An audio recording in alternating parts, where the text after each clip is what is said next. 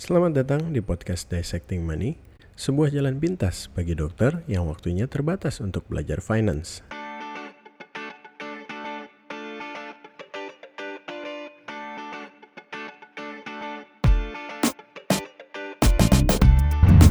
Oke, okay, welcome to the Dissecting Money Podcast. Dan pada episode kali ini saya mau kasih tahu sejauhan pendengar bahwa ada sesuatu yang unik di episode kali ini.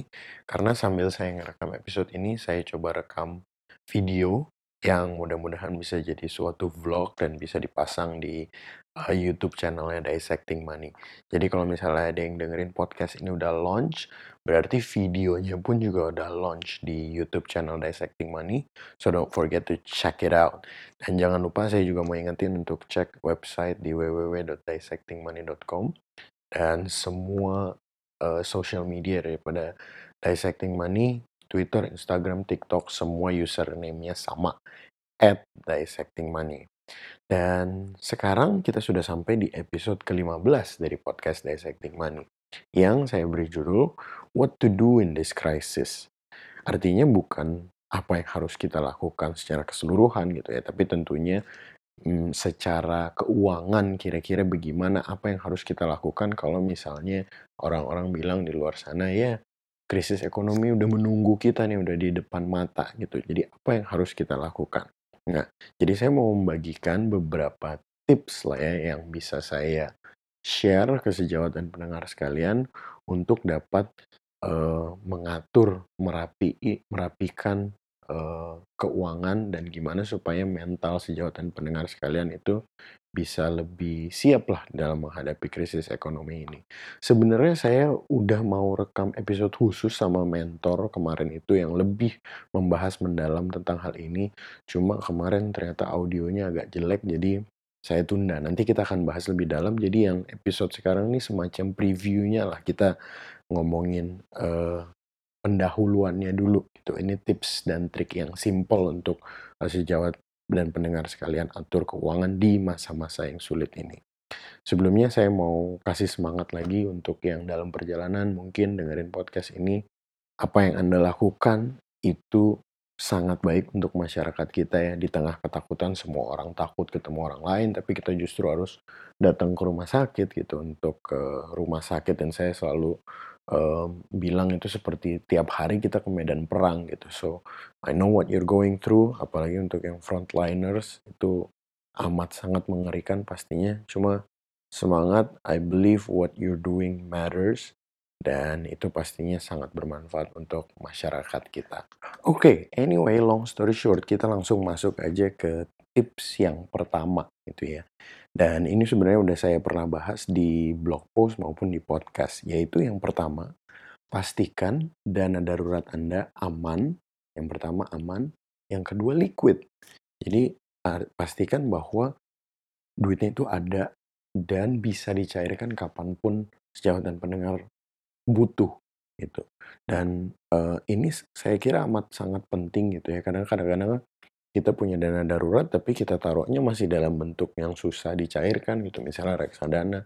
Reksadana itu butuh waktu kurang lebih tiga hari untuk dicairkan. Artinya kalau hari itu juga butuh dana darurat belum tentu bisa langsung jadi uang dan bisa langsung ah langsung bayar gitu.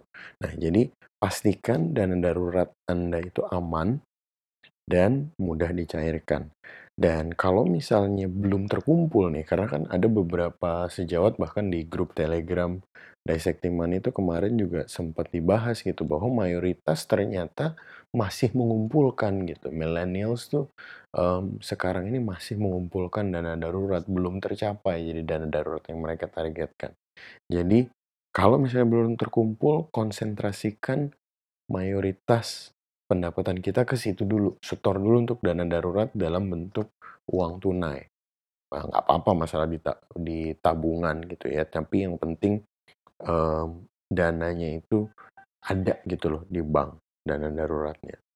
Nah, uh, kalau misalnya belum terkumpul, jadi konsentrasikan, jangan mikir investasi dulu gitu. Pikirkanlah untuk memenuhi dana darurat tersebut. Karena masa-masa sulit ini sangat mungkin Anda tiba-tiba butuh cash gitu ya untuk keperluan yang Anda nggak bisa tebak sebelumnya. Gitu. Jadi itu yang pertama. Oke, kemudian yang kedua adalah amankan sumber pendapatan utama Anda. Tuh, Jadi kalau misalnya dokter, ini saya pesan nih ya, bener-bener nih saya pesan. Ini bukan waktunya berantem atau ribut sama manajemen gitu.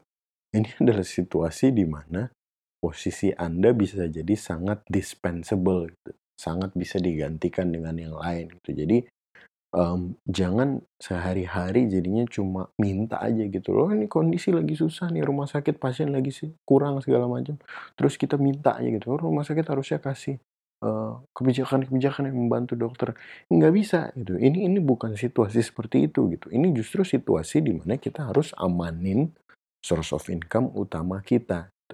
Sebagai dokter artinya ya cobalah kita juga bantu gitu loh kira-kira di situasi sulit seperti ini kinerja saya yang bisa saya tingkatkan gimana supaya rumah sakit pun juga bisa terbantu. Nah ini kalau kasus dokter, cuma kalau kasus pegawai kantoran pun atau yang struktural itu ya sama. Jadi em, walaupun work from home misalnya, em, kantoran gitu ya sekarang banyak kerja dari rumah, malah cenderung kecenderungannya kan justru jadi males, jadi males-malesan, bangunnya telat, kerjanya juga ogah-ogahan. Em, jangan seperti ini, jangan seperti itu gitu. Justru saat work from home kita harus putar otak, bener-bener mikir gimana caranya supaya pekerjaan gua ini punya value yang lebih dibanding orang-orang lain misalnya yang kerjaannya sama. Karena ya kalau misalnya kita tahu di luar sana udah banyak yang di layoff, udah banyak yang di PHK. Jadi kalau kita masih punya sumber pendapatan utama, this is the time to actually excel in what you do. Jadi justru kita harus menjadi yang terdepan. Kita harus menonjol di antara yang lain. Kenapa? Ya, simple. Karena kita harus mengamankan source of income utama kita. Jangan sampai pendapatan utama, sumber pendapatan utama kita itu ke macet gitu. Karena kalau misalnya tiba-tiba employer, rumah sakit, kantor memutuskan, "Ya udah deh, nggak bisa nih, dokternya juga banyak komplain doang gitu ya, cuma me- mau untungnya doang itu, udah kita nggak dapat sumber pendapatan utama kita. Jadi itu amanin sumber utama pendapatan utama kita, berinisiatiflah gitu ya untuk menemukan hal-hal yang baru supaya pemberi kerja Anda tuh bisa mem- memikirkan bahwa oke di saat susah begini dialah orang yang bisa kita pakai, bisa kami gunakan jasanya. Itu yang kedua. Kemudian lanjut yang ketiga, dan ini udah berkali-kali saya tekankan, pastikan Anda mempunyai anggaran atau budgeting. Jadi harus punya budget, harus melakukan yang namanya budgeting. Budgeting itu apa? Saya nggak bahas lebih panjang karena saya udah sering bahas dan bahkan kalau subscribe ke Dissecting Money Newsletter email itu udah dapat langsung link ke video tutorial gimana sih caranya untuk bikin budgeting pakai Microsoft Excel untuk yang belum pernah. Nah, basically budgeting atau penganggaran itu membagi tiga pos kebutuhan, keinginan, sama tabungan atau yang biasa kita sebut sebagai investasi. Kenapa sih kita harus punya budgeting? Karena kita harus di masa-masa sulit ini mempertahankan gaya hidup kita di bawah rata-rata. Artinya bahasa Inggrisnya biasanya keep our lifestyle below our means gitu. Jadi bener-bener kita hidup dengan pengeluaran yang seminimal mungkin, dengan kebutuhan yang seminimal mungkin agar cash itu bisa digunakan sebijak mungkin gitu. Dan kalau misalnya kita punya budgeting, kita punya spreadsheet di mana di situ kita tahu sekian persen untuk kebutuhan, sekian persen untuk keinginan, sekian persen untuk investasi, maka kita punya yang saya sebut helicopter view. Kita bisa punya lihat dari atas nih, duit kita posisinya di mana. Bulan ini nih duit yang masuk kira-kira mau saya alokasikan ke mana. Jadi kita punya the whole picture of the whole thing gitu. Ini ini sering uh, orang bilang uh, cash flow statement juga itu itu maksudnya uh, budgeting atau penganggaran ini. Dan satu lagi, um, kenapa kita perlu budget? Karena lebih mudah untuk membatasi pengeluaran daripada menambah pemasukan. Makanya poin berikutnya nomor empat adalah membatasi pengeluaran. Jadi di saat-saat krisis seperti ini harus yang namanya tekan pengeluaran. Dan sebenarnya kan secara nggak langsung pengeluaran kita udah banyak yang berkurang gitu loh kalau di era uh, work from home ini. Artinya misalnya um, udah nggak kerja kerja dari rumah artinya biaya transportasi udah nggak ada. Um, waktu juga jadi lebih efisien. Um, kemudian biaya apa lagi? Misalnya kalaupun masih tetap kerja cuma jalanan udah jauh lebih sepi gitu. Artinya biaya bensin pun udah berkurang biaya yang keluar biasa untuk gaul, makan, pergi pergi ngopi uh, sama teman-teman dan lain sebagainya itu udah nggak ada. Jadi basically pengeluaran tuh sebenarnya justru sangat bisa ditekan di masa-masa seperti ini. Tapi mentang-mentang di rumah misalnya nih ya, terus jangan jadi online panic buying dan itu terjadi gitu ya. Saya uh, bahkan punya rekan-rekan sejawat yang banyak panic buying beli hand sanitizer gitu um, sampai ribu bahkan ada yang nilai sampai jutaan gitu. Buat apa kalau misalnya di rumah kita bisa semudah pakai sabun cuci tangan, sering-sering cuci tangan, and that's it gitu. Jadi jangan sampai pengeluaran yang biasanya nggak ada cuma karena stres kita uh, di rumah terus malah jadi tiap kali buka aplikasi online shopping gitu. Jadi jangan sampai jadi saya ingatkan lagi bahwa lebih gampang untuk membatasi pengeluaran daripada kita pusing-pusing karena pendapatan kita menurun. Karena dokter udah pasti jelas pasti berkurang. Pasiennya udah takut ke rumah sakit. Um, artinya nggak ada jasa medis gitu kan. Berarti income-nya pasti berkurang. Kalau misalnya masih dapat uh, cash, pastikan tadi save some cash, invest some. Kalau misalnya memang dana darurat yang belum terkumpul, konsen dulu ke dana darurat, jangan investasi dulu gitu. Jadi itu misalnya kalau misalnya kita punya uh, cash. Kemudian yang berikutnya, poin yang berikutnya adalah menambah pemasukan, menambah income, menambah pendapatan. Gitu. Walaupun tadi saya bilang lebih gampang mengatur pengeluaran, iya memang. Bahkan kalau misalnya bisa pengeluaran itu dibatasin sampai keinginan tuh nggak ada sama sekali. Jadi bulan ini pokoknya gue nggak beli apa pun yang gue pengen. Gue hanya bertahan hidup untuk kebutuhan-kebutuhan yang pokok. Nah, tapi walaupun demikian, tetap kalau misalnya ada opportunity, bahkan menurut saya bukan kalau ada, kita harus cari opportunity untuk cari sumber pendapatan baru, cari sumber income baru. Kenapa? Karena ya tadi, pendapatan kita dari yang utama udah kurang. Ya otomatis kalau misalnya mau dapat cash flow atau income cash-nya itu nambah ya kita harus cari hal-hal baru untuk dilakukan. Justru kita harus jadi makin kreatif karena kita tertekan, kita jadi mencari cara-cara yang baru gitu. Harusnya semua orang berpikir seperti ini gitu. Dan banyak yang bisa dilakukan misalnya sebagai dokter gitu ya. Mungkin punya side gig kah misalnya uh, memulai sebuah bisnis let's say walaupun itu itu far fetch lah ya itu itu suatu mimpi yang tinggi karena butuh uh, modal yang gede. Cuma banyak lah hal-hal kecil. Misalnya nih jasa penerjemah. Kan kalau saya tahu bahkan ada teman saya di ortopedi yang sambil residen ortopedi itu dia masih gitu ya ngerjain side gignya adalah dia nerjemahin jurnal, nerjemahin presentasi-presentasi bahasa Inggris jadi bahasa Indonesia gitu dan setiap um, job dibayar sekian gitu. Nah, itu kan bisa jadi tambahan income.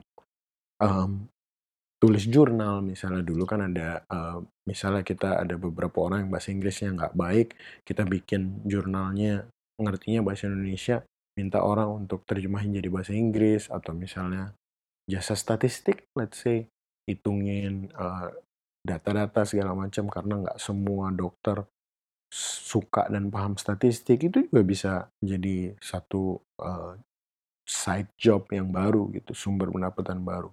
Atau bahkan yang hal-hal yang nggak berhubungan sama kedokteran misalnya.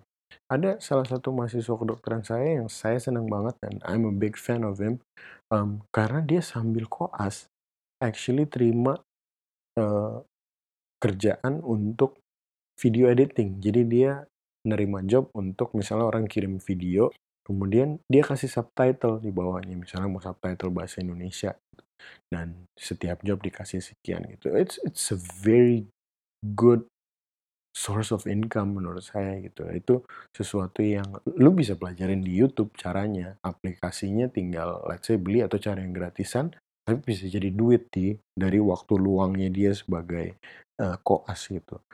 Atau mungkin kayak yang saya bilang di episode sebelumnya, buka online shop kan misalnya kan sekarang yang lagi booming justru online shop. Jadi sebenarnya tuh banyak banget opportunity, kesempatan-kesempatan untuk cari side gig lain. Cuma masalahnya kadang-kadang kita terlalu sombong gitu loh. Kita uh, udah jadi klinisi terus nggak mau kerja yang agak-agak remeh-temeh dikit tuh nggak mau gitu. Padahal justru menurut saya di saat-saat seperti inilah kalau ada banyak waktu luang ya carilah side gig side gig lain, side job lain. Jadi itu yang poin yang kelima jangan lupa untuk menambah pemasukan. Kemudian poin berikutnya ada yang keenam adalah baca lagi tujuan investasi Anda. Saya udah bosen ya, udah berbusa ngomongin di podcast, di blog post bahwa lu kalau misalnya mau investasi, baik masa krisis maupun enggak, harus namanya punya tujuan investasi dan kalau bisa itu tertulis gitu lah itu benar-benar tercatat. Misalnya saya mau duit 11M pada saat saya usia 55 tahun gitu misalnya. Gitu. adalah blog postnya tinggal cari aja itu mengenai tujuan investasi. Kenapa? Karena ya kita tuh kayak harus kayak pelari maraton gitu loh sekarang.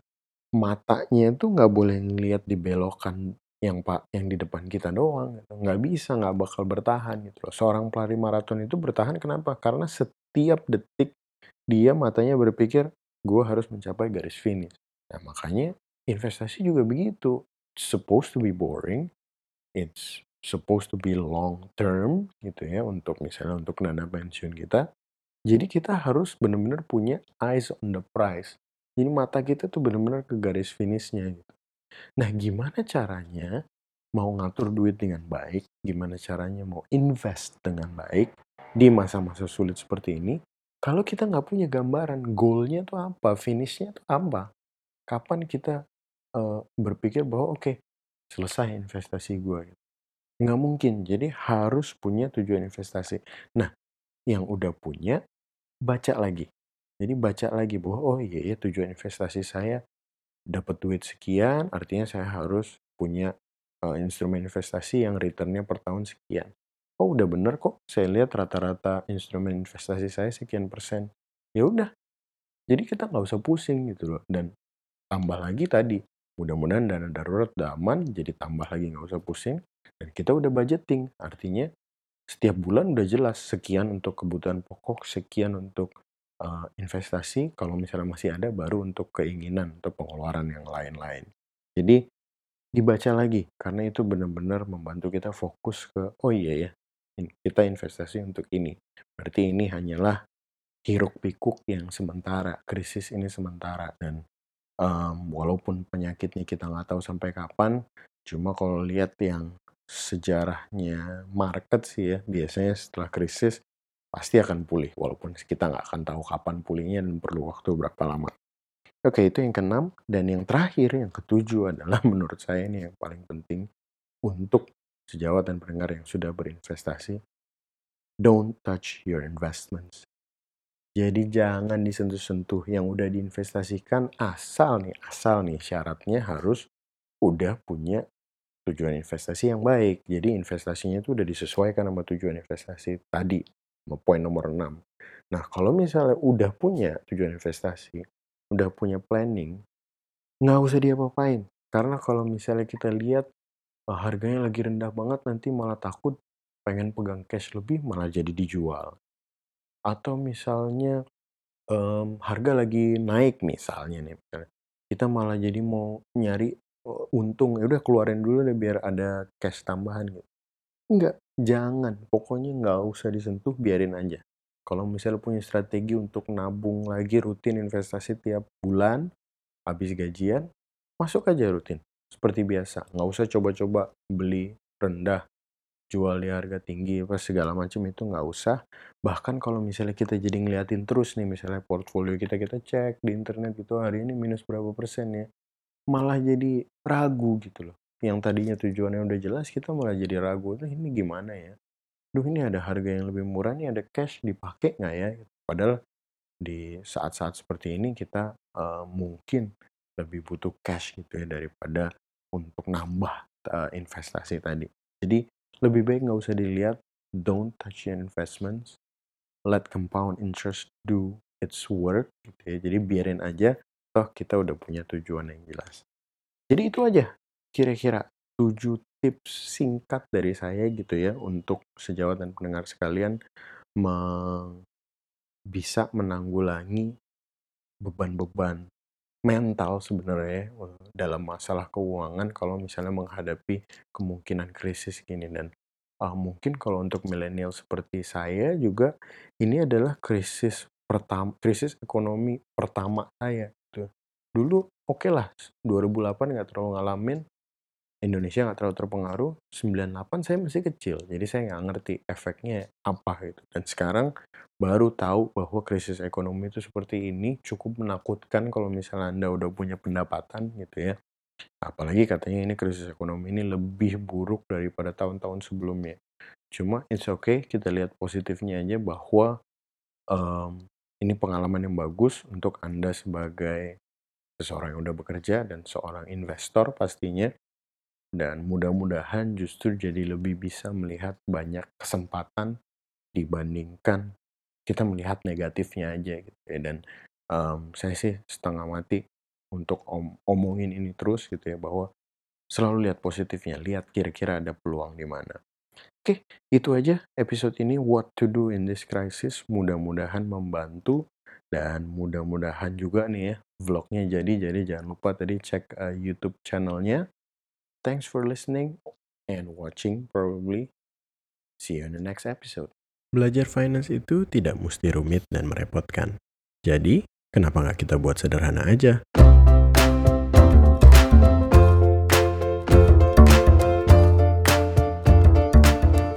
Sedikit disclaimer bahwa saya, Dr. Jefta Tobing, adalah seorang spesialis ortopedi saya bukanlah financial planner atau akuntan, ataupun pengacara keuangan atau bisnis.